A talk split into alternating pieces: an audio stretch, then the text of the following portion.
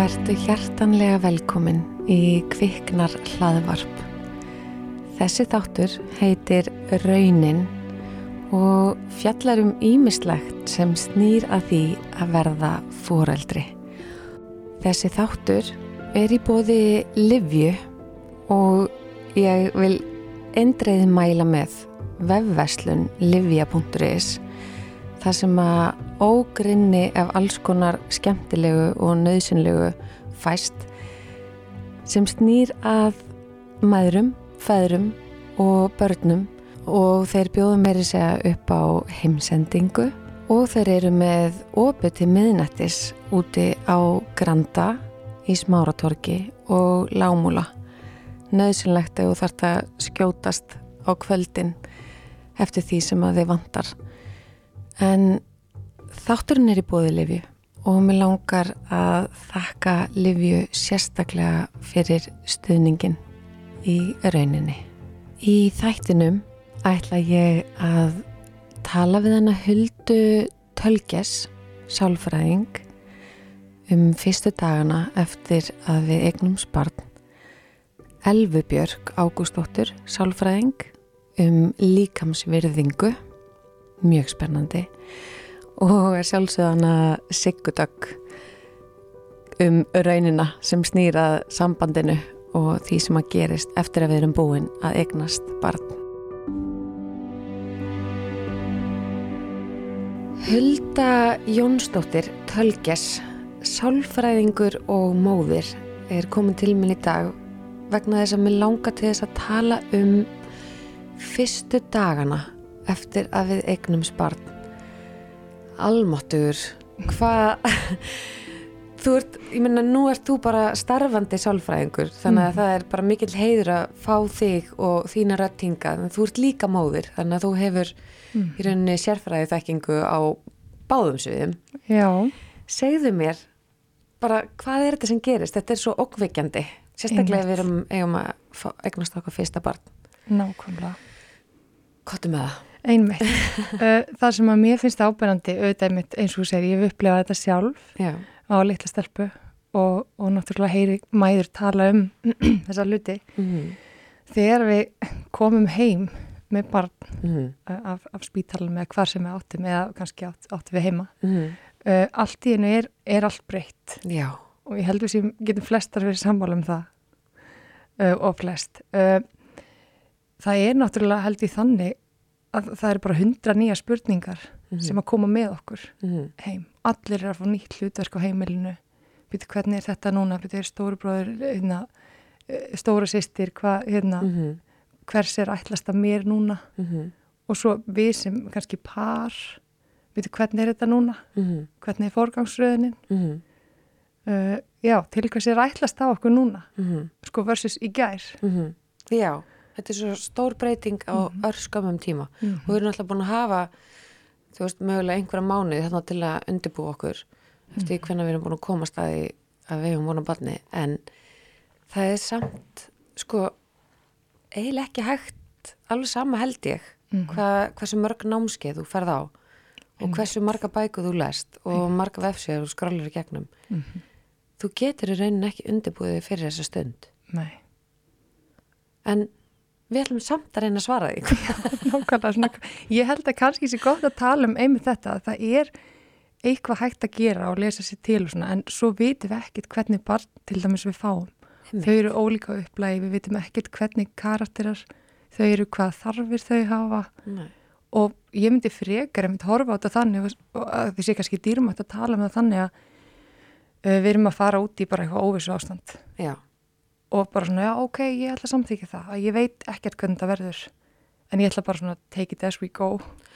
Vá, það er, þú ert, þú ert örglega að pota í smá erfitt hjá mörgum. Vegna þess að við erum svolítið að vilja stjórna því sem er í gangi í lífni okkur. Við erum náttúrulega, mm -hmm. já, flest mjög stjórnsum mm -hmm. og ætlum að fara þessa leið og ætlum að fara eftir þessu. Mm -hmm. þannig að hvernig hvernig stillum við höfuðið inn á að ég teku þessu bara eins og það er með aðrileysi og, og hafandun einmitt og það hljó, getur kannski hljómað einfalt en Já. það eru þetta kannski rosalega krefjandi fyrir Já. marga.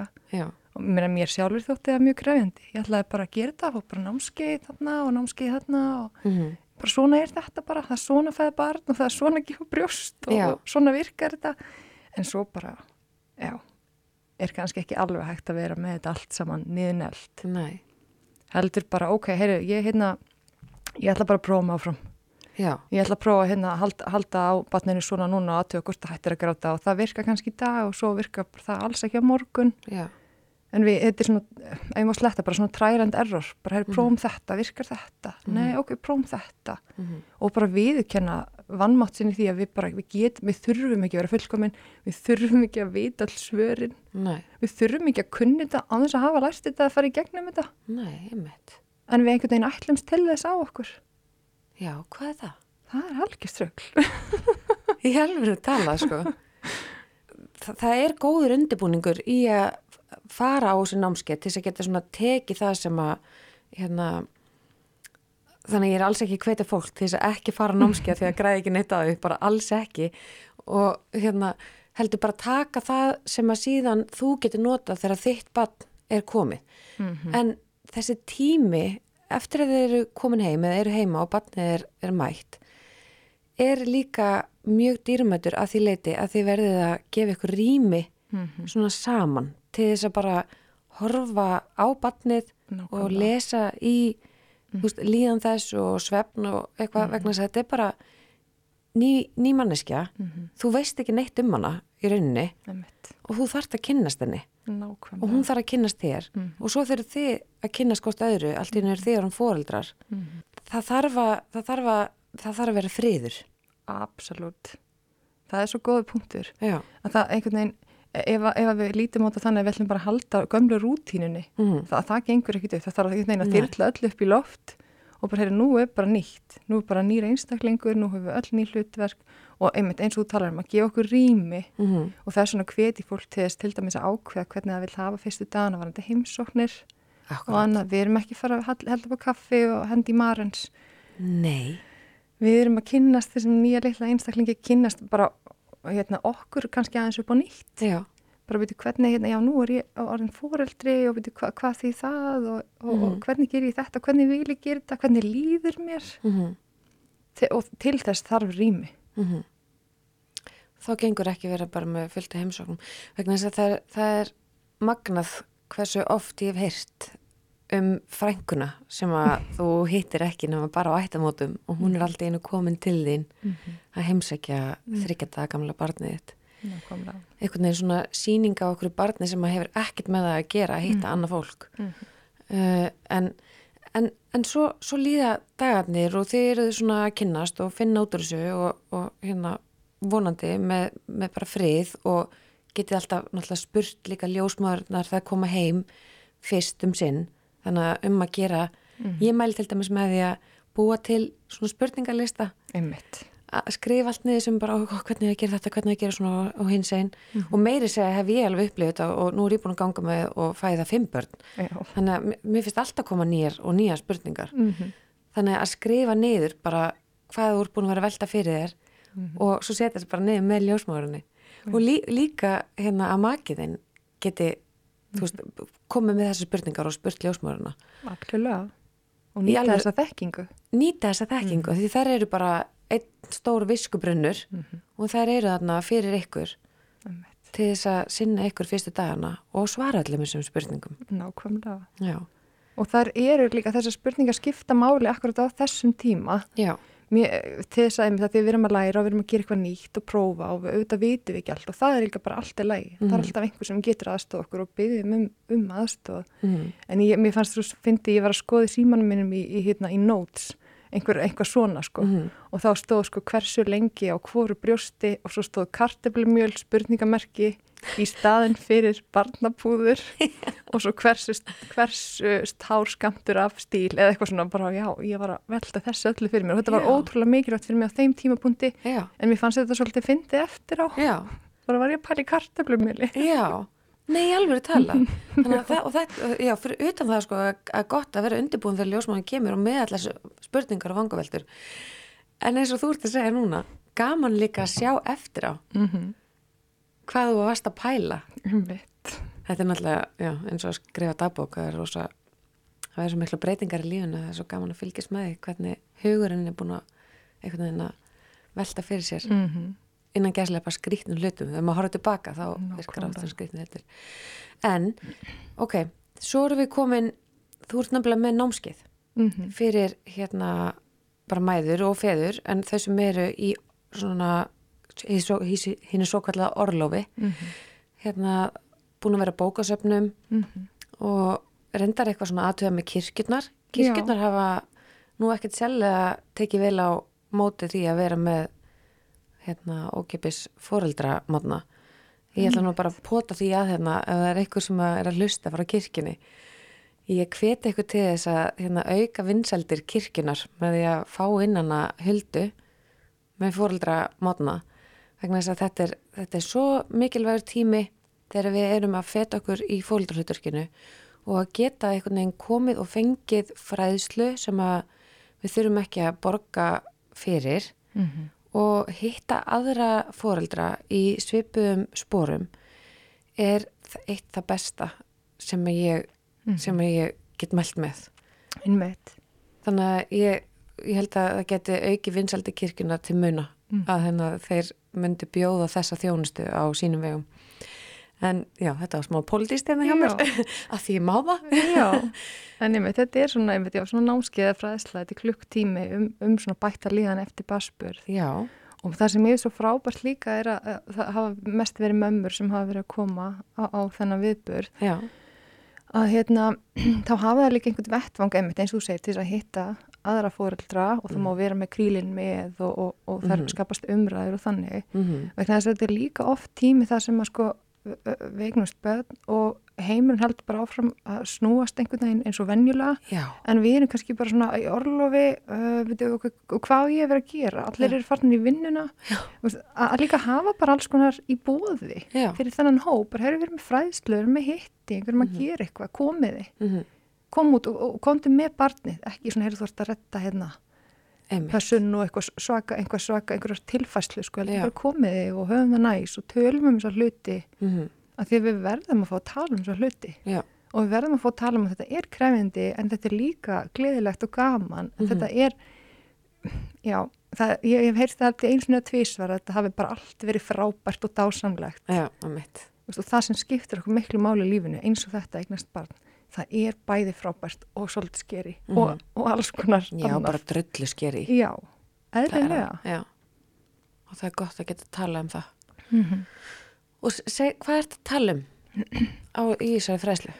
Uh, sko, ég er einmitt í fyrir fyrstu dagana, fyrir yfir hérna, tilfinningar, uh, já, líðan, í Mhm. rauninni hvað er eðlilegt og síðan kannski hvenar við þurfum að fara að, að, að hafa, hafa varan á, Mhm. skoða byrju að er þessi einkenni kannski orðin og mikil streitu einkenni, Mm -hmm, svona rauð flögg mm -hmm, og hvet fólk til þess að fylgja með sér í því. Mm -hmm, og einmitt fá aðstof mhm, klukkutími fyrir kannski einhvern fjölskyldumöðlum eða vinn þar sem að við fáum að fara í styrtu og gangtúri eða aðeins út er Mhm. kannski, skiptir kannski engum málu fyrir aðstenda en skiptir kannski öllu málu fyrir fóreldrið sem er kannski örþreytt og sveflaust já, uh, ég tala um uh, ég fyrir svolítið eina svona fullkomnunar áróttu mm af hverju þarf alltaf að vera reynd af hverju þurfum við að, að tróða okkur í galabúsunar -hmm, af hverju með að bara fjandars galabúsunar ekki býða bara Mhm. alveg í marga mánuði þess Mhm. vegna eða bara forever skilur mm -hmm. Já, því suma galabessu fyrir við bara aldrei aftur í. Hérna- Nei, Að því einmitt. meðmengrindir á okkur stækkar. Nákvæmlega, og það er bara allt í góðu. Já, já það er til nóg af öðrum galaböksum sem þú getur keftir.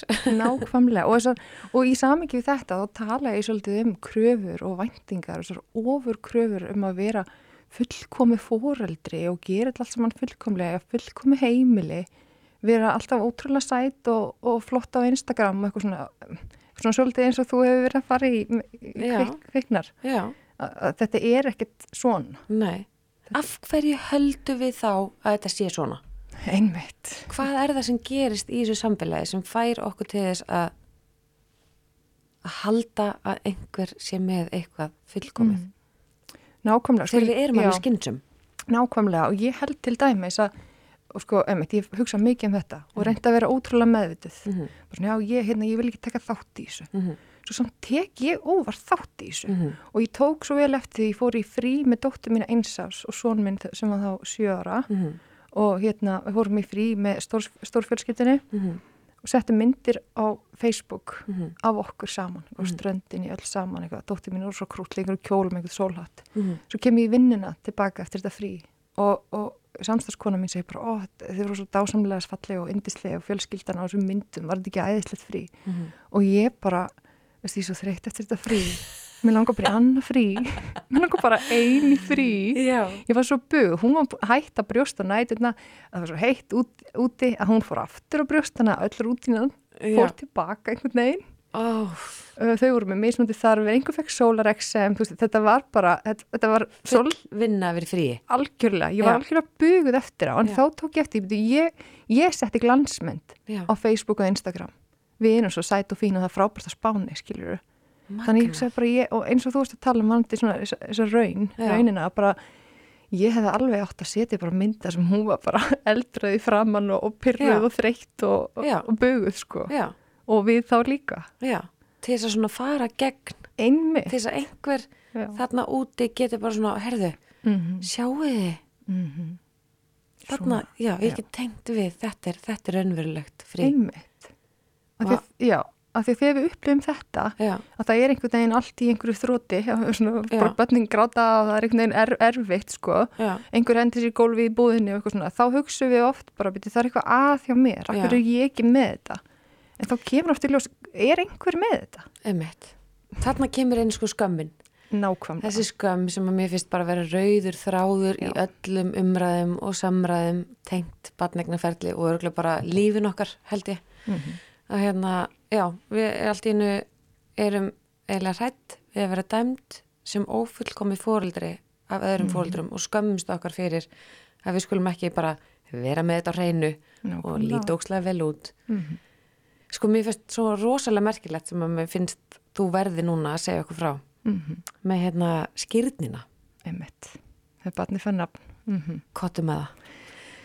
Sko, einmitt, mér finnst þetta, sko, núna er ég bara að tala út frá minni upplifun, bæði bara, hérna, eh, mínu starfi og varandi bara fólki í kringum mig og svona, hvernig ég upplif samfélagi. Mm -hmm.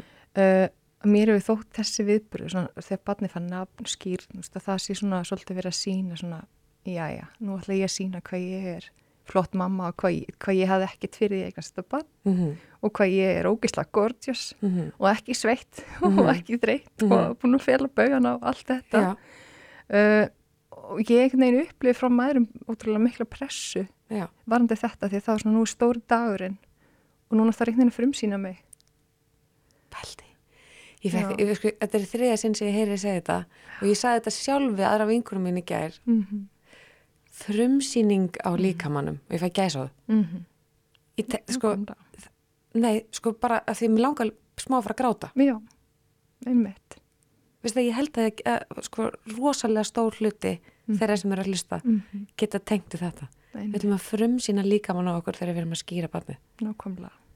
Og alla myndirnar Já, sem eru teknar og veist, við stoltar bara einhvern veginn að og indislegt náttúrulega ef okkur bara líður vel og erum bara sátta með að, hérna, að skýra barnið okkar veist. Mhm. en við erum alveg, ég menna ég sex vikna kannski. Einmitt, sumir, já.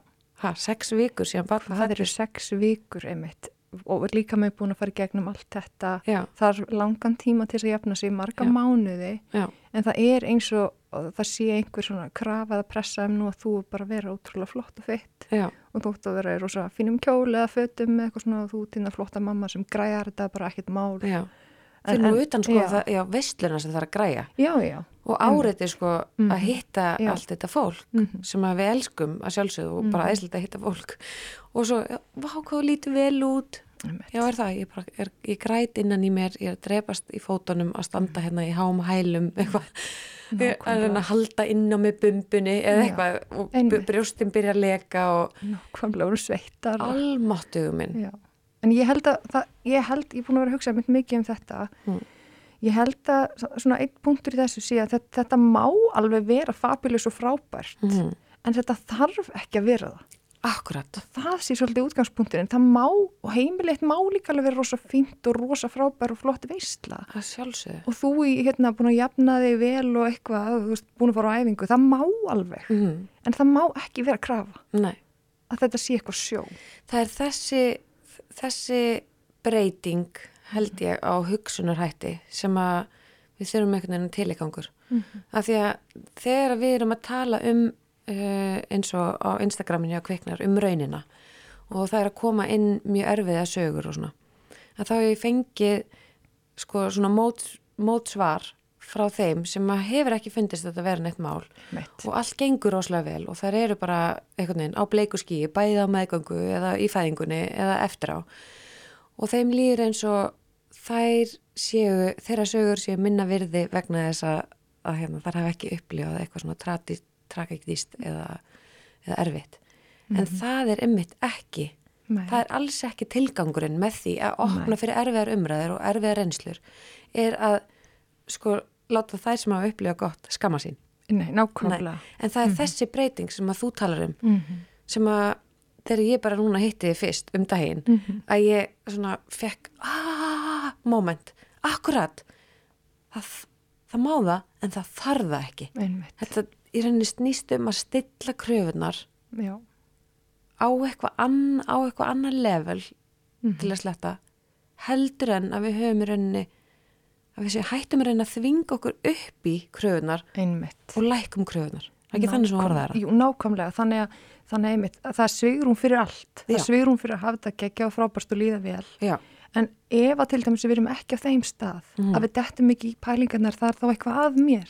emitt Að, einmitt, þá lækka kröfunar og gera þar þannig að þær, þær passi okkur og það reynir ekki of mikið á og það sé ekki að spenna bóðan þannig að okkur líði kannski bara illa. já, Að hugsa frekar, ok, svona líði mér og í svona fíling er ég, ok, hérna vil ég kannski halda aðeins minna bóði, vil ég kannski bara fresta því aðeins, hvað er best fyrir mig og okkar fjölskyldu, barnið okkar, hvernig líður okkur, já, en ekki byrju hvað segir samfélagið, það sex ykkur, er átta viku, hvernig er á að gera þetta, mhm, verði ég ekki að vera orðin, da da da da, mhm. Þú veist, að því að ég minna, hvað, hvað tekur það, þú veist, þrjár, fjórar vikur fyrir brjóstakjöf bara ef konur ákveða að gera það, Já, að, að rúlla svona ágætlega smúð, já, lámark, lámark í mánuður. Nákvæmlega, og þá og er þetta rétt farið af stað. þrýr, fjóri mánuður þá er þetta komið í svona góða rútínu. Einmitt.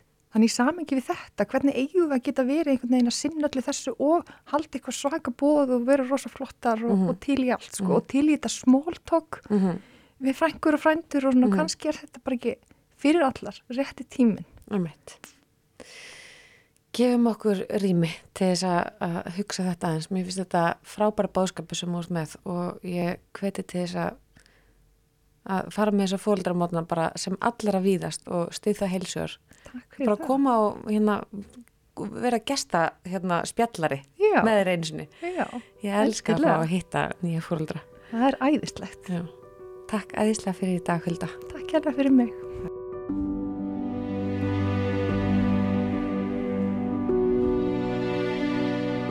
Já, ég þakka henni Huldu bara innilega fyrir gott spjall og að því að þátturinn er í bóði Livju þá fjekk ég til mín þær Elsu og uh, Sigurlegu frá Livju til þess að segja mér aðeins frá starfseminni þeirra sem er by the way mjög spennandi og þess að gera góða hluti hann að hefur Livju.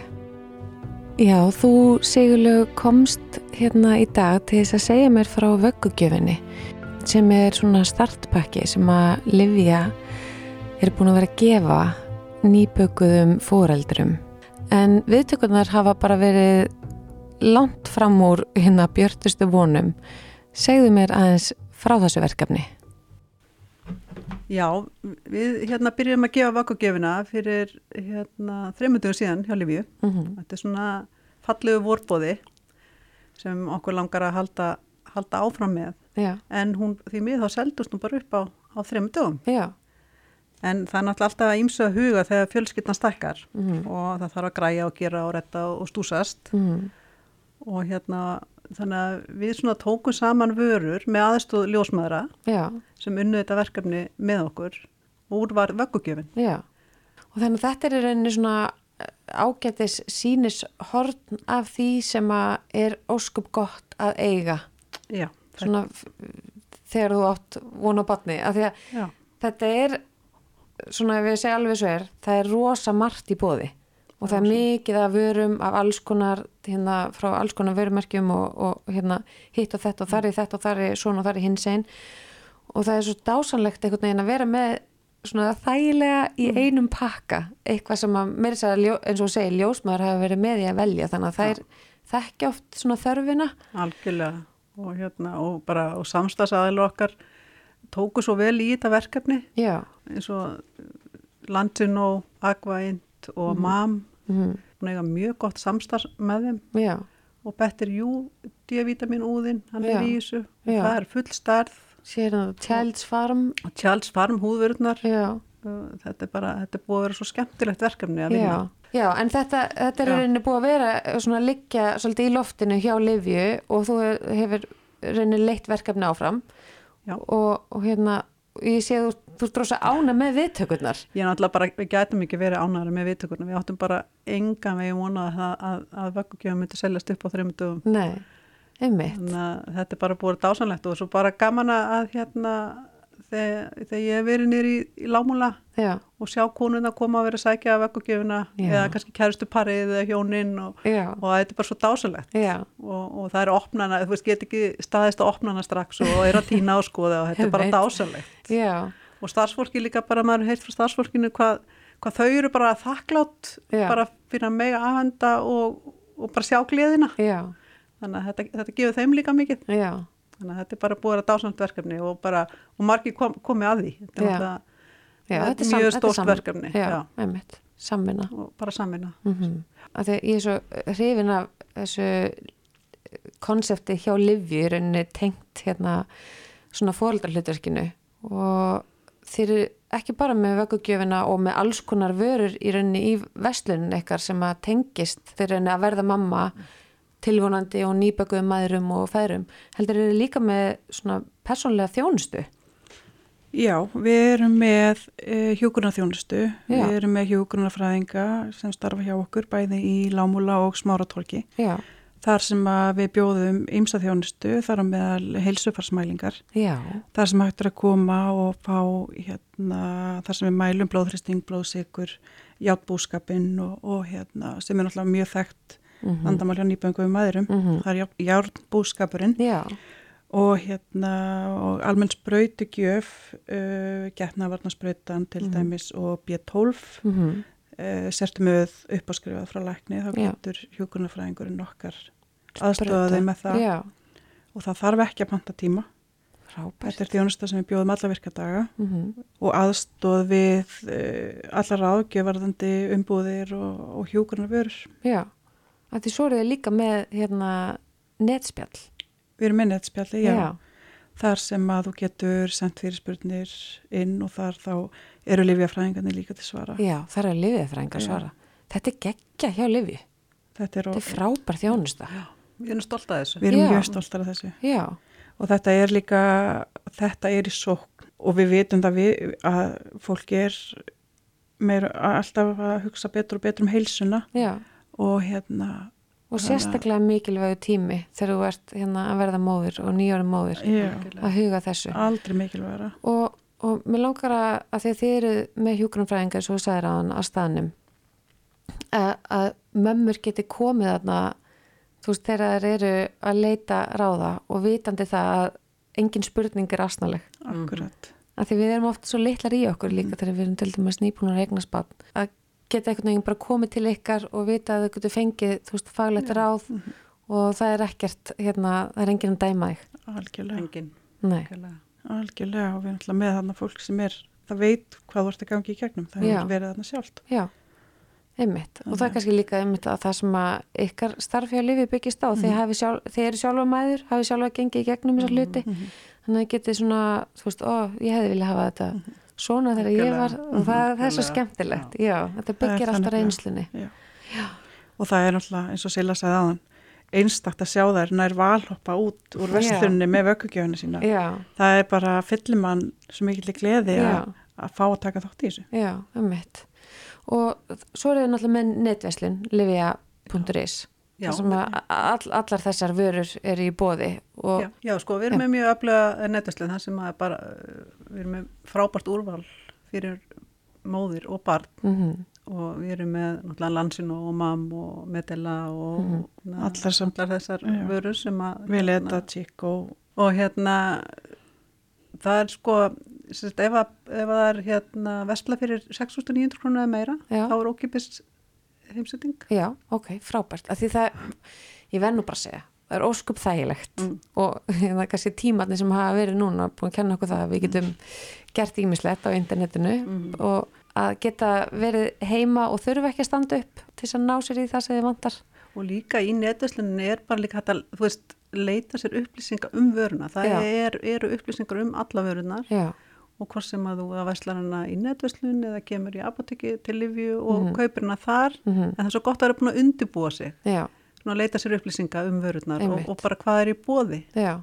Og þá er einmitt líka að spyrja á netspillinu út í einhverja vörur algjörlega, Já, og svo koma og fá ennþá frekar ráðgjöf Já, hjá ykkur í já, veslinu. já. Það er frábært. og það eru oft einmitt vörur líka sem að við setjum fram í netverslun sem að eins og við erum með hérna mjög vinsalvara baby bressa pela. Mjölkur pela vel sem ég hefði svo gjarnan vilja hafa þegar ég var með mín lítil. Já, ég elska mína. Já. sem við erum með í netverslun og hérna fleiri svona vörur sem eru kannski stærri vörur sem að já. þú færð allt í netverslun líka. Já, frábært. Já, ég vil bara þakka ykkur kærlega fyrir kominu í dag og ég hérna hveti ykkur mömmur til þess að nýta ykkur þessa frábæri þjónustu sem að Livja býður upp á og alltaf hægt að, að, hérna, að leita ráði hjá ykkur, spyrja spurninga, bara vera ófemnar við það algjörlega og hérna bara hjartans þakkir fyrir komuna í dag. Takk sem leið. Takk sömuleiðis. okkur.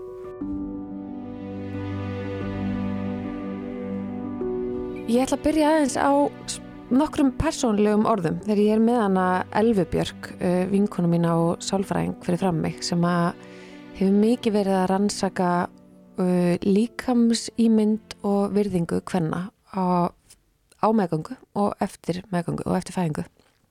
Hérna, ég var að segja þér áðan frá því að ég er alltaf að reyna að halda Instagraminu svona hérna bara gangandi og aðalega snýst Instagramið hjá kviknar um story og er að deila sögum þar bæði persónlegum og bara frá ykkur og umræða skapast í kringu það en svo er ég alltaf að reyna að setja inn líka öðru hvoru bara myndir til að bara uppfæra Instagrami. Og nú er ég búin að vera lengi eftir að síðustu myndir sem að hérna, sína risastóra bumbu sem ég hérna, var með á síðustu meðgöngu. Að ég leti sér tórlega kærasta minn taka myndir af líkamann mínum eins og hann er í dag. Mhm. og ég hef ekki þórað að byrta þér en ekki af þeirri ástæði sem að ég held að margar vil ekki byrta af sér myndir að, að, að, að það er einhver óanægja eða óöryggi með eigin líkama heldur ég er svo hrætt um að einhvern veginn mega ekki tala um minn líkama og breytingar á mínum líkama af því að ég er grönn Mhm. uh, ég, ég er náttúrulega ég er með bara fullt að auka húð framan á mér Mhm. í ofananlag sko sem er óþrólandi, ég hef oft hugsa bara af hverju gæti ég ekki fengið að slitna til þess að, sem er bara fáralegt að segja þetta, en til þess að til þess að ég geti betur tengt við þær konur Mhm. sem eru slitnar. Sem er vist þetta að hérna að, að þá, þá þá er ég komin í svona svona hóp uh, í grönn og óslitin þá, þá ég er inn ekki pláss í líkamsvirðingar umræðinni en það er ekki það að ég er óanað með líkam minn heldur er hann bara rosalega breyttur. Hann er og allt öðruvísu heldur en hann var áður en ég náttúrulega gekk með öll börnum mín feim en sérstaklega núna síðast held ég bæði út af því að ég náttúrulega bara komin á þann aldur. Mm. og varmi náttúrulega tók það mikið plás, þannig að 21 mörg, hann tók það mikið plás og ég bara, ég stækkaði bara uh, úti í því óendanlega. Þannig að núna er ég með eitthvað líkama sem er náttúrulega að sjálfsög ekki búin að jafna sig því hann er bara átta mánuða og mun náttúrulega örgulega bara aldrei jafna sig, aldrei verða eins hann er bara eins og hann er. En ég þór ekki að fara út í umræðin að tala um það. Einmitt. Segðu mér aðeins, hvað hva, hva gerum við? þetta er, ég, skil þessa pælingu. Um, ég held að þetta, sko, þetta kemur rauninni kannski svolítið frá þessari hugumyndum sko að þarna voru svona tveir heimar einhvern veginn sem að, að, að náði ekki alveg saman þegar, voru, þegar svona þessi umræðum svona jákvæða líkams ímynd byrjaði, svona body positivity uh, svona umræðan hóst að, að í upphafi ég voni sé að fara með rétt mm -hmm. segja rétt frá, en í upphafi er þetta í rauninni bara átt að feitra hvenna mm -hmm. uh, og svona þeirra leið til þess að hérna bara benda á fytufordóma og, og slikt og það nær kannski ekki sama flugi og það náði og er komið á í dag fyrr en bara svona vennjulegar konur, jáfnvel bara ótrúlega svona, bara svona frægar konur sem að uppfylla öll hérna, fegurðar viðmið nútímans e, fór að tala um það sama. Mm -hmm. og þannig einhvern veginn e, verður þetta meira mainstream uh, meðan sko þegar, en í raunin er þetta barðumál feitra hvernig í upphafi mm -hmm. þannig í skilpínu hvernig hérna, þessi tveir heimar einhvern veginn uh, náðu ekki alveg kannski fyrst að, að, að blanda saman mm -hmm. að því að reynslan þeirra er svo opusla ólík uh, ég er svolítið mitt á, mitt á milli mm -hmm. þannig að ég er svolítið verið svona flakkandi -hmm. og hérna, hef líka kynnt mér rosalega vel fytufordóma mm -hmm. Uh, en er síðan sjálf búin að gangi gegnum mörg ára af bara slemri líkamsýmynd algjörlega óháð því hvort að ég er 10 kílón léttarinn er í dag eða 10 kílón þingri Já. og þá hef ég svolítið svona átt að maður á að slæm líkamsýmynd eða að vera óanæmi líkamassinn eða upplifa einhvers konar skrifnum tilfinningar, gagvart líkamannum einhvers konar áhyggjur eða pyrringa eða eitthvað slíkt uh, á sér stað alveg óháð því hvernig við lítum út Já. og hérna og, og svo hefur við verið að vinna með ungum stúlkum sem eru kannski áhættu fyrir ádraskan eða eitthvað slikt og ég er með stúlkur í öllum starfum að gera mm -hmm. þannig að þetta er ekki bara mál feitra kvenna. Þannig að auðvita eiga, bara allir að eiga rödd þarna, Já. því þetta er líka bara svo hugrænt. Uh, og, og grannar konur sem að er að upplifa breytingur á sínu líkama, þær eru að upplifa bara oft mjög svipað og feitakonur sem eru að upplifa breytingur á sínu líkama. Ja. Mönurinn liggur kannski aðalega í og ég skil pínu gremmjuna þannig á mittlæsra hópa. Mm -hmm. Mönurinn liggur samt svolítið kannski aðalega í því að feitukonurnar mm -hmm. og ég nota orðið feitur bara eins og lýsingur, bara stór og, og ja. hávaksin, lágvaksin og, og ljósar og, og dökkarlega og svo leiðis. Mm -hmm. Þannig að feitukonurnar þar sem að þær eru líka berast fyrir eru náttúrulega bara uh, fytu, berast gegn fytufordómum sem að þær eru upplega sem að við tvær getum ekki þengt við Nei. og ég hef aldrei lendið því að, að fá ekki vinnu út Nei. af útliti eða, eða Nei, einhver stoppa mig í bónus og að skoða hvað ég er að kaupa hann er það er alveg reynslu heimur þarna sem Já. við getum, getum ekki skilið og, og þannig ég skil sko af hverju það myndast ákveðin gremja en, en af því að ég líka hinum með viljununa mm -hmm. Að þá er þetta samt mér svo opbáslega hérna mikilagt málefni mm -hmm. að því mér hefur liðið illa með minn líkama mm -hmm.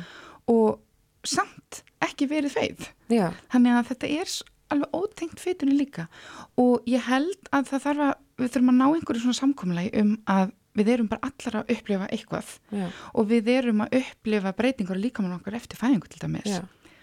að því að mér finnst þú veist, nú hugsa ég bara þegar þú veist að segja þetta feitar eða mjóar eða eitthvað starf þar á milli mm. uh, þegar kemur að meðgöngu mm. og að vera með líti barn e, þá erum við allar mm -hmm. að mhm. upplifa breytingar Akkurat. á líkamannum okkar Akkurat, og við erum allar að upplifa einmitt það sem marga konur tala um að líka með vera svolítið svona ókunnu um hann svona eins og maður eigan ekki lengur Já. og hann er bara eins og breyttur en þannig eru allar að gangi gegnum það sama og, og líka með grannra stelpna breytist alveg eins og líka með feitra stelpna og, og hérna og, og í sömu til ykkur meira en hjá einhver sem er feitur, þetta er bara allar Já. gangur á þessu og við erum allar að upplifa eitthvað og bara í mismiklu mæli eins og þú varst að segja að þú er ekki að upplifa slitt mm -hmm. uh, og finnst þú ekki þá að geta að tala um það svo eru mm -hmm. suma konur sem hafa upplifa slitt og finnast það bara í fínulagi Já. Og ekkert að því og eru Mhm. ekkert að spæða aðra sem eru með slitt og finnast það ekki lægi að þetta er opuslega einstaklingsbundi Mhm. og ég held bara í allir þessari vinnu við það að ná einhvers konar sátt Mhm. við þennan nýja líkama Mhm. þá verðum við allar að eiga Já. allar að hafa Já. við þurfum allar að fá að bara segja það sem við erum að upplifa Já. og, og hérna og við sem erum í mýgri kantinum Mhm. við kannski verðum að átt okkur af því að þær sem eru ekki í mýgri kantinum eru samt líka að upplifa gríðlega mikla breytingar Já. alveg eins og við Já. og við getum ekki banna þeim að ræða það Nei. því við erum mýgri Nei. það, það virkar ekki þannig sko. og svo, svo, svo veldi ég líka stundu fyrir mér af því ég er þarna mitt á milli Mhm. þá veldi ég fyrir mér hvar líkur síðan línan hvar er þetta að hafa mörkin Er það í kílóum? Er það í Já. sentimetrum? Einmitt, og hvenar ertu orðin það grönn eða það, hvað maður að segja, miðlungs Já. að þú mátt ekki lengur eiga heim í þessar umræði. Já. Þannig mér finnst þetta erfitt. Ég er svolítið bara á þeim vagni að bara allir sem hafa uh, jákvæð skilabóð fram að færa, allir sem vilja deila reynslu sinni Mhm. og nýta það að deila reynslu sinna sem einhvers konar bara sjálfsvinnu, Mhm. bara go for it. Mhm. En það sem ég finnst kannski bara mikilvægast er að við sem erum ekki í þessum hópi að upplifa fytufordum og allt þetta, að við séum bara meðvitaður um það. Já. Að við vitum það að okkar reynsluheimur er ekki eins Nei. og reynsluheimur feitra hvenna. Mhm. Og að það sem við erum að ganga gegnum, það er að hluta til að sama og þær eru að gera, Mhm. en minna Mhm. og ekki alveg að sama. Nei. Og bara hlusta. Þannig að þegar þær sem eru feitari segja frá sinni reynslu, við bara hlustum og hérna, og erum ekki einhvern veginn að taka orðið af þeim. Já. Já, af því þetta er náttúrulega, þetta er heldur ekki stríðum að eiga umræðina. Alls ekki. Bara alls ekki, af því að við, við getum, við ættum að nýta okkur allavega þennan tíma, þar sem við eigum vonabarni og erum nýbúin að regnast barn og erum með unga barn og svona, til þess að samina Akkurat. þessa umræði. Og ég heldur sem líka að ná til ólíkra hópa. Já, Ég held að hérna eins og þú og, og fleiri sem eru svona að tala um líkamann og, og, og líkamsvirðingu og allt þetta, Mhm. þið kannski náðu til annara uh, kvenna en kannski feitu konundan gera. mhm, Og það er bara allt í lægi. mhm, Og kannski stelpur sem eru hérna, ekki feitar tengja kannski minna við feitufordóma umræðan og allt slíkt en hafa samt þörf fyrir þessa umræði já, og hafa þörf fyrir að reynilega bara sjá hvernig lítur líka okkar út eftir fæðingu? Já, hvernig er mjúk bumba? Hvort sem hún er lítilega stór, hún er mjúk hún er öðru sig já. Bara- Það er nefnilega máli. Mhm. Það þetta er eiginlega ekki, þetta snýst ekki eiginlega um stærðina. Nei, heldur snýst þetta, já, það, það er þessi mýkt, það er þessi, Það er þessi tegjanleikin og, já, húðin og allt þetta. Já, akkurat, sem að við upplifum algjörlega óháð stærð akkurat, akkurat, en ég held bara að hérna, við þurfum öll eiga rödd, við þurfum líka bara að bera virðingu já, fyrir ólíkum reynslu heimi ekki spurning. og, hérna, og ekki hika við að setja inn einhverja myndir. Ég er að reyna að taka þig mér til fyrirmyndar og setja inn, setja inn einhverja bikini myndum daginn. Já, og hérna og að, það var bara ógsterfitt mér fannst það ógsterfitt og verandi, starfandi í þessum heimi mér fannst það samt erfitt. Og hérna og þá fór ég líka að hugsa mér finnst það erfitt og mér fannst það rosalega erfitt. Og af hverju ættu við þá að banna einhverjum hópi að eiga einhverju umræðu að hún er ekki nógu feit? Já, eða eitthvað, Já. þetta var rosalega stórt komið að segja verkefni fyrir mig. Já, og ég er samt bara svolítið svona ég veit mjög, ekki, miðlungs einhver staðar í mýgri kantinum, ég veit ekki hvað ég flokka mig. Um, þannig og að það er líka svo leðilegt að við, við erum alveg í rauninu konar í að, að bara flokka hver Já, aðra ég veit eftir það. Stærð og gerð. akkurat, þetta er bara þetta er einhver svona Já, þetta er, þetta er svolítið þetta er eldfund sko. Já, þetta er vel, já, en, ég- en ég vildi að vera það ekki. Nei, og ég held að þarf ekkert að vera það. Það þarf alls ekki að vera það, bara ef að við áttum okkur á að við sem erum ekki feitar erum ekki upplega alveg að samu þær sem eru feitar. Nei, og hérna en við erum samt að ganga gegnum okkar verkefni. Mm. Og okkar hérna, breyta Við, mæ, líkama. við mætumst allavega í breyttum líkama uh, tengt barneignaferðinu algjörlega, algjörlega. Og, og ég held að við ættum bara að vera duglegar að, að bæði að við allar segjum okkur sögu byrtum eins mikið að myndum okkur og við viljum, ég ætla bara að taka til mín það sem að þú ert búin að segja Mhm. og hérna og að Já, sama tíma að bera virðingu fyrir gronnari en líka allar að hafa okkar rödd. Og okkar rödd í batnangarfellinu er rauninni mjög sameinleg. Alveg, og líka bara einmitt eins og með þetta, eins og með myndirna sem að þú ert að byrta svona, bara þetta, þannig að þetta ferli verið sínilegt. Já, Þannig að bara, ef ég sé bara fyrir mér hérna ungar konur sem regna sín fyrstu börn að þær sjáu, mhm, þetta er bara eðlilegu líka með eftir fæðingu. Já, og þetta er bara normalt. Og af hverju ekki bara pína fagna því og Mhm. sína þessa tegund af líkama mhm, í staðan fyrir bara hérna líkama sem uppfyllir einhver, einhver skilir þig og einhver svona útlitsstandarda. Sína bara alls konar þannig að mér finnst við um allar heima þarna. Já. Takk, elsku Ella Björk. takk, takk.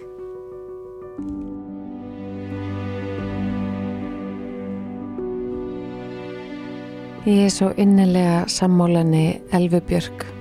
Og ég hvet ykkur bara sama af hvað stærð og gerð eruð verið stoltar af ykkar ein líkama.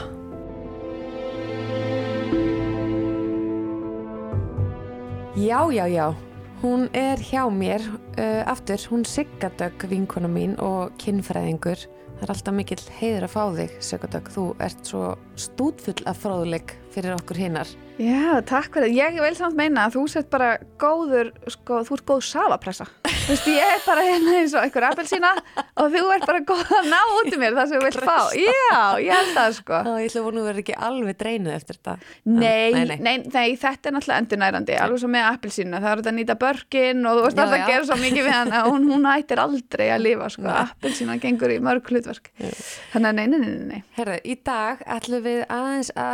að að heyra frá þér varðandi svona kynlíf og nánd þegar barnið er komið og hvernig förum við að því að tengjast aftur og eiga okkar moment þegar við erum kannski með 1, 2, 3, 4, kannski ekki fleiri, börn, þú veist mér fólk gerir það ekki. Ég var að hugsa, það var ekki að tellja með tíu. Ellefu, nei, hvað er nei, mörg? nei, nei, ég hafi þetta ekki, hver Ég veit það, ekki. ég fæ bara heim, skal fara heim og telja og senda það skilja búið eftir. Ég gerði þess að ég var ferlega með mín og ég gerði þetta, ég held 1, 2, 3 Já, allir á, svo 1, 2, 3 Við gerum þetta rosa oft, hei, 1, 2, 3 Ég fyndi En hérna, já, sko, ég er, ég er rosa mikið að tala um þetta í gæsunum. Ég Já. er sér sett í gæsunum um kvipin og kvappin, eða þú veist, suðvesturhóðninu Mhm. og mér finnst að það er mjög skemmtilegt fyrir mig að fara í gæsanir af því að þá hitt ég alls konar hópa af konum sem er, er kannski ekki mínar vinkonur og ekki endilega konur sem ég hitti dagstæðlega í kringum mig og þær eru einhvern veginn aðeins í glasi og svona pínu mjúkar og, og pínu opnar sem Já. mjög, mjög gaman að hitta konur þegar þær eru þannig svona Já. opnar og frjálsar svolítið Já, og í örugur rými af því það eru með öðrum konum og það er líka fallegt. Já, og þá tölum við nefnilega svolítið mikið um þetta nákvæmlega. Já, hvernig á maður að gera það? Og þú ert með börn á heimilinu og, og þá stundu það maður að byrja svolítið á ok, hvað er hugmyndin þín um kynlíf mm. fólk festundum í þetta, þú veist, þarf maður að vera bara það dettundum í hennan sérstaklega oft með sko, teipi og píku þá dettur þetta einhvern veginn beint í samfarir veist, og líka eitthvað svona á maður að vera allsbyr og þarf að fara að hjakast og þarf að fara að gera þetta og þarf að vera í rúmi og þarf að vera þarna og þarf að vera hins einn Mhm. og ég er svolítið talskona þess að fólk svona endur hugsi og endur skilgrinni kynlíf fyrir sér Mhm. og ég hef svolítið mikið talað um það að þú mátt sitja bara upp í sofa og vera að horfa bíómynd bara einhverja góða bíómynd. Mhm. og mér er alveg saman hvort að það sé Hard eða Notebook og allt er á milli sko, það má vera hvað sem er, má vera hrollvekja, skiptir ekki öllu máli. Nema maður ítir á pásu, af því við erum íslendingar og við trúum á hlýja í bíó. Já, og maður ítir á pásu og maður snýr sér að makan sínum og hérna aftur, kynja dýnamikinn skiptir engum máli sko. Nei, og þú segir makaðin, uh, heyrðu, rosalega hérna, væri ég til að fróa þér? Vilt þú það? Og makinn svona kannski hugsa sig öskott stundum og veitir smá þakkir til almættisins og, og hérna, og þykkur svo þetta. Já, og, og fínt alltaf að vera með sleipefn einhvers stað falið í stofunni. Og eða þú veist, ég var svona með eitthvað skilur og vera bara eitthvað svona, herru, ég er með sleipefn hérna og svo bara, bara góður sleikur og, og fingur smurðir og svo hefst þú handa og sleikur á meðan, sko. Mhm. og svo fær maki fullnæðingu og þá bara segir þú, herru, ég er spæða skottast inn í eldus á ég ekki að ná í kannski snakkand okkur eða popp eða, veist, viltu eitthvað að drekka? Byttu bara hér, setur kannski svona teppi yfir makan, svona fallegt. Og uh, svo kemur þú tilbaka með þessar kræsingar og svo kveikjum við bara play. Og þá bara heldum myndin áfram og við liggjum bara þarna saman og höfum það notalegt. Eins má líka snúa þess við, það má líka segja bara, heyrðu, veistu að ég bara, ég finn einhverja grettu hérna, læðast upp eftir mér, ekki, ekki, myndur nenn að fróa mér, bara fyrir sleik og fróa mér. Þú veist, að kynlíf megi vera svona, þetta þurfi ekki alltaf að vera skiptitill eða jafntefli eða ég gef og þú gefur, heldur þetta má bara vera svona. Einmitt. og það má alveg segja, það má afþakka. Það má segja bara, æ, nei, ég er ekki stuð, en fallega bóðið, já, ok, ekkert mál. Samt að ná í poppið samt að ná í poppið. Þú veist, eða þá bara eitthvað svona æ, veistu það mín, ég, ég er ekki alveg til ég að fráa það núna já, ok, er það sama þó að ég fráa mér? Viltu horfa á eða er það sama þó að ég skjótist aðeins en að FCC, það bara, mér langar bara að fá það. Ég fór að finna að ég er eitthvað, það er eitthvað pyrringur í mér. Þú veist, að við megum tala um kynlíf á þessum opnari fordóma lausari nótum að þetta sé alltaf svona hlaðið, að því við setjum svo mikið drasl inni og á kynlífið okkar og svo margar hugmyndir sem við höfum um hvað þetta þýðir. Og já, nú er ég að gefa eftir, nú er ég að gefa þér þetta, þú veist, eitthvað svona svo mikil kerkja í kringum kynlíf. Þannig að ég vil létta það aðeins og taka það aðeins frá og bara svona, svona dempa það aðeins mm. mig, og bara hvað ef við förum bara back to basics? Já. og eitt sem að fólk gleymir líka oft er að fólk gleymir sleik. Og þetta er sérstaklega mikilvægt. Ef þú ert með píku þá er sleikurinn svo mikilvægur. Alveg svo okkur er kent í þegar við erum að fara að fæða þá fyrir við til Guðrunar og lærum hafönduna og við erum alveg með slakan kjálka. Mann sko Guðrun, hún líka sko slær mann utandur hann með slaka kjálka, hún er bara slakað ekki helvitis kjálka hún er bara í lei, hún er aldrei segja helvitis en það er svo að fyndi, hún er bara slaka kjálki, slaka á tungu bara allt þetta og það er svo magnað það, af því það skila sér niður í leið og niður í píkuna. Mhm. og þetta er það sem, og við opnumst og þetta er það sem við þurfum að gera. Þegar við erum sérstaklega fyrir að stunda samfarir Mhm. þá verðum við að virkja allt kerfið okkar og við gerum það í sleik. Við finnum, þú veist það er svo margir taugaendar í vörunum, varirnar er svo næmir við finnum bræð, við finnum lykt, við finnum hita, það er svo margt sem virkjast í sleik. Og það er virkilega erfitt að vera að hugsa um sko er að þú ert í sleik að því hann tengir svo margt. Já, og einhvern veginn hefur fullorið fólk því hefur tekist að útrýma sleiknum og hefur ákveðað sér svona eitt sleikur þrjár til átta sekundur og svo bara það er búið. Já, en það er líka rosa nánd í sleiknum. Það er svolítið innileiki í sleiknum. Og þess vegna held ég að þegar fólk er búið að taka það úr kynlífinu sínu að þá er líka sleikurinn svolítið erfiður og óþægilegur og við bara sleppum þessu skilur, hvað erum við að gera þetta við erum bara að fá útrás, við viljum bara, við viljum bara fá það klára þetta þannig að mér finnst líka skoðið það aðeins, skoðið bara sleikin, hvað er það að líka saman upp í sófa detti góðan sleik og það er alltaf ef kynfærin vakna, þau líka slaka á sko, það er ekki að bregðast akút við því að kynfærin örfist. Nei. en, en hvenær gerum við þetta, hvenær dettum við bara í góðan sleik? Og þetta má nefnilega grípa í inn á milli á alls konar tímsólarings, þú veist og sögum til dæmis sofa með börnin sín uppi og vilja þá ekki vera að gera eitthvað eðlilega þegar börnin eru uppi í rúmi eða inn í herbyggja, hvernig sem það er allur gangur af því. Og þá þarf maður stundum að vera svolítið hugmyndaríkur og nýta aðra staði heimilisins en líka þá hugmyndaríkur um einmitt hvernig við að útfæra þetta kynlíf. Þú veist, ef til dæmis segjum þú væri að fá munnmögg þú getur, þú þarft ekki að vera allsbyr til að fá munnmögg, þú getur nú bara rétt smygt niður brókinni og haus getur tróðist þarna milli og, þú veist, og þá, þá má gera þetta á, á mjög mörgum stöðum mjög víða á heimilinu meðan börnin til dæmis sofa og það væri auðvitað hægt einhvern veginn að smegja sér úr þeim aðstæðum á þess að þú veist, vekja margar og mikla spurningar. Já, endilega skilur mig. Um, svo er ég líka svolítið talsmað þess að því að mist fólk oft þetta í eitthvað svona þið verður bara að fara í helgarferð þú veist, og mér það svolítið svona, það er stort og mikið og ég ætla með ég fæ svona pínu ferðakviða, það myndi ekki henda mér fyrir eitthvað svona sexy getaway sko, bara ég fyrir bara að hugsa oh, lefstöð og flugviskubit og Já, ég hugsa líka Og þá er svolítið pressa komin á, þú ert komin í helgaferð, þá verður að fara og gera það, að skella helgina svona svo þegar þið byrjuð voru að byrja saman. já og, og bara, sorry, ég er í útlöndu ég er bara margt betra að gera hana verið því, já, ég bara sjá og út að borða og, veist, vera kannski í sólni og enginn að nenna því.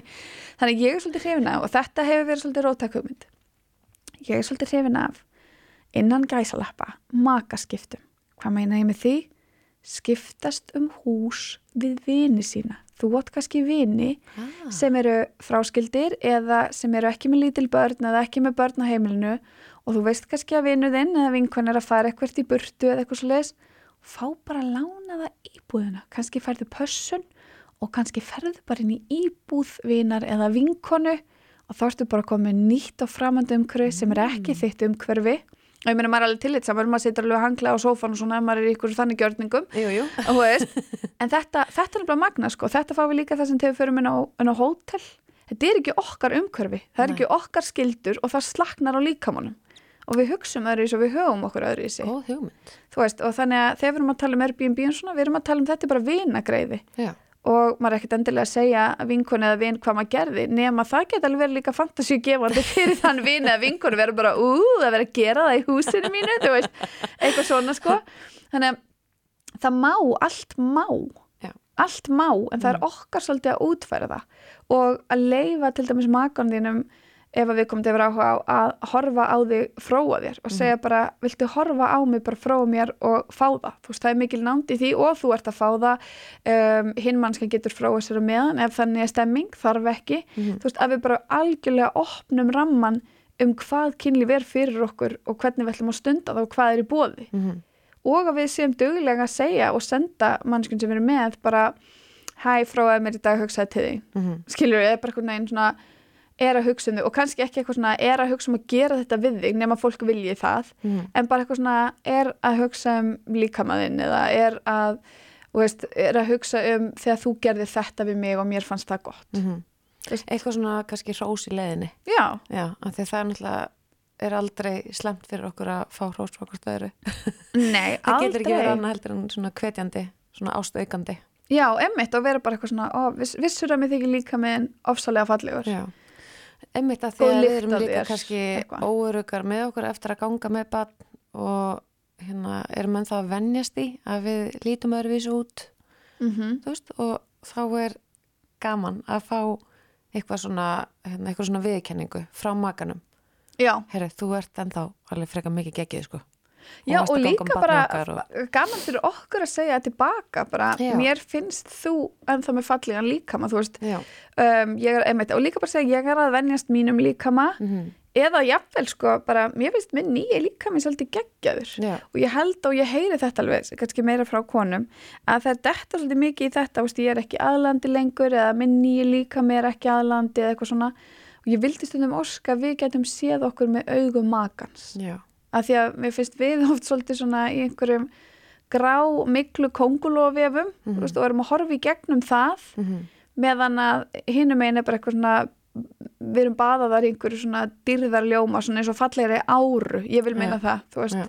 og fegurðin sem makin oft sér í manni við þurfum svolítið á því að halda að sjá það í okkur sjálfum og leif okkur það án þess að við höldum að það sé einhvers konar hróki sko. Já, ég hef, af því ég nú lofaði að vera svolítið á persónlega nótanum hérna í þessum kviknar hlaðverpum að hann er nú ekki maður margra orða hérna sambilis maður minn básfæðir og kærasti en hann hérna, ég var eitthvað að reyna að tróða mér, sem ég mæli bæði vegi ekki með þegar barnið hefur ekki verið áttamána var eitthvað að reyna að tróða mér í gamla gallaböksur og þetta var samt komið út í eitthvað svona grín heima í mér þar sem við vorum bæði hlæjandi nema hann svona tekur mig svona til og tekur svona húðin á mig sem að ég er alltaf eitthvað að fýblast með með krökkunum mínum heima já, sko. já.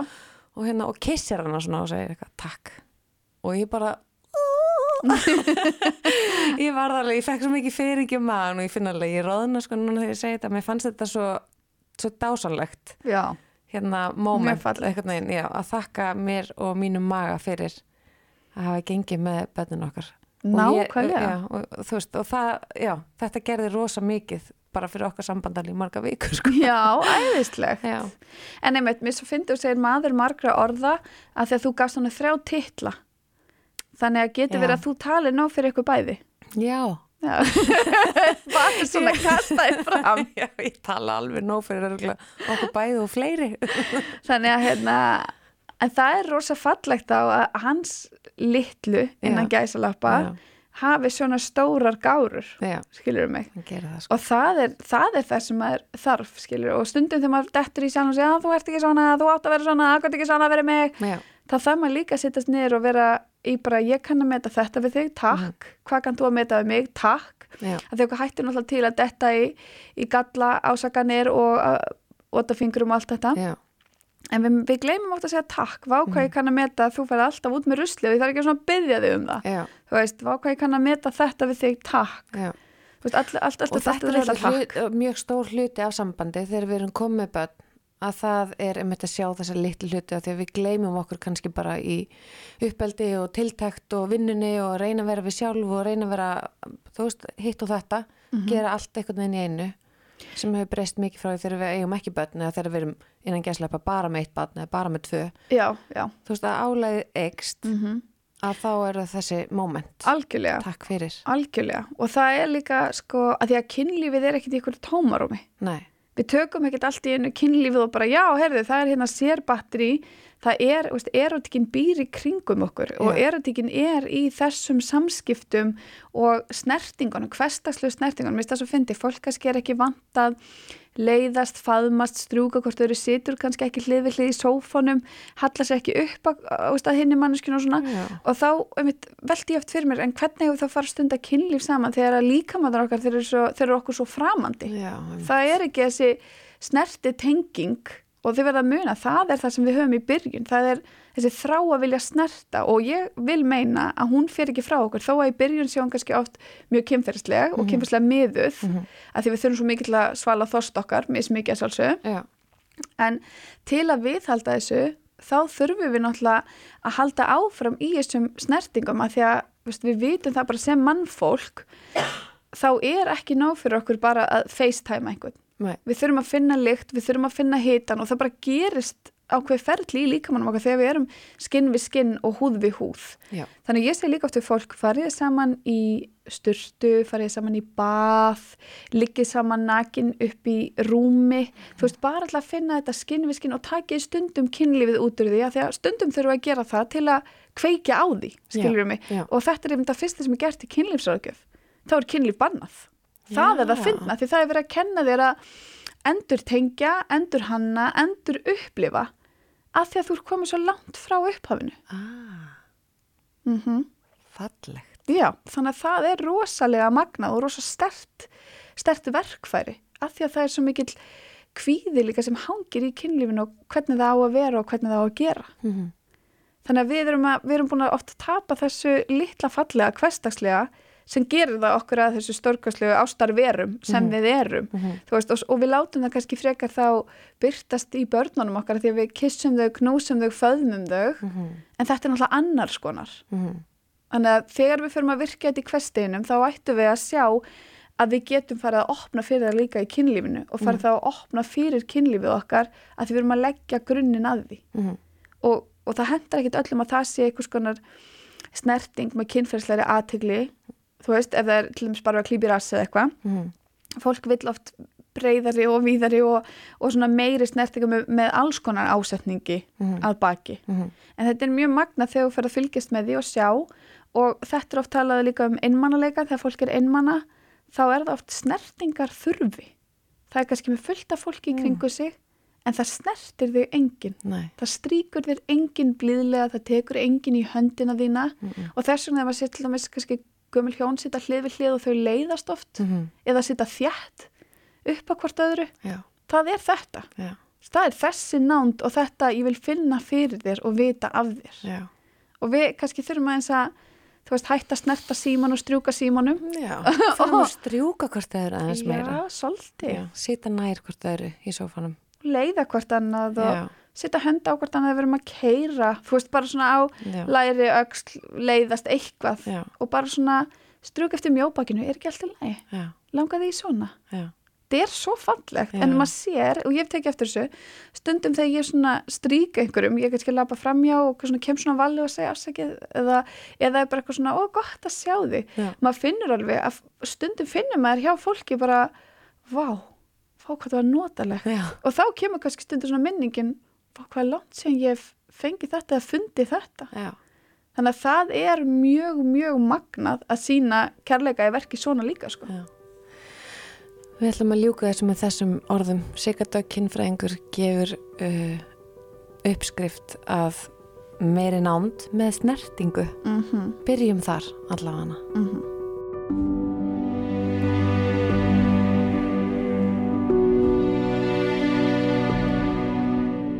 Já, takk Sigardök og viðmælendur dagsins í rauninni. En sérstakar uh, þakkir til Livju. Og mér langar til þess aftur að benda ykkur á þessa frábæru þjónustu sem að Livja er að veita. Meðal annars með vefveslunni sinni. Það er náttúrulega geggjað að geta farið uh, alveg upp undir miðnætti og vesla það sem að þarf það er náttúrulega enþá betra að geta notfært sér vefveslun livja.is vegna þess að ég held að við könnumst allar við það að langa ekki út fyrir húsins styr. Bæði þegar við erum komnar á steipirinn og líka þegar við erum heima með nýfætt barn að geta bara veslað á hérna í kósifötunum og fengið sendt heim. Og svo auðvita bara mæli ég með netspjallinu þeirra og þegar þeir eru komnar hérna fram úr að hvetja ykkur til þess að notfæra ykkur þjónustu hjúgrunafræðinga í veslinum Livju og fara í helsufæðsmælinguna og láta aðtöða hvort að allt sé ekki í því standi sem að það á að vera. Hlúiði vel að ykkur á þessum tímum sem að, að fylgja rauninni og endilega stittið ykkur leið og notiði þjónustu livju sem er í bóði. Ég er mjög ánægð með þetta fyrirtæki og þakka þeim sérstaklega fyrir stuðningin í dag í þessum tætti af rauninni. Þanga til næst. Bless í byli.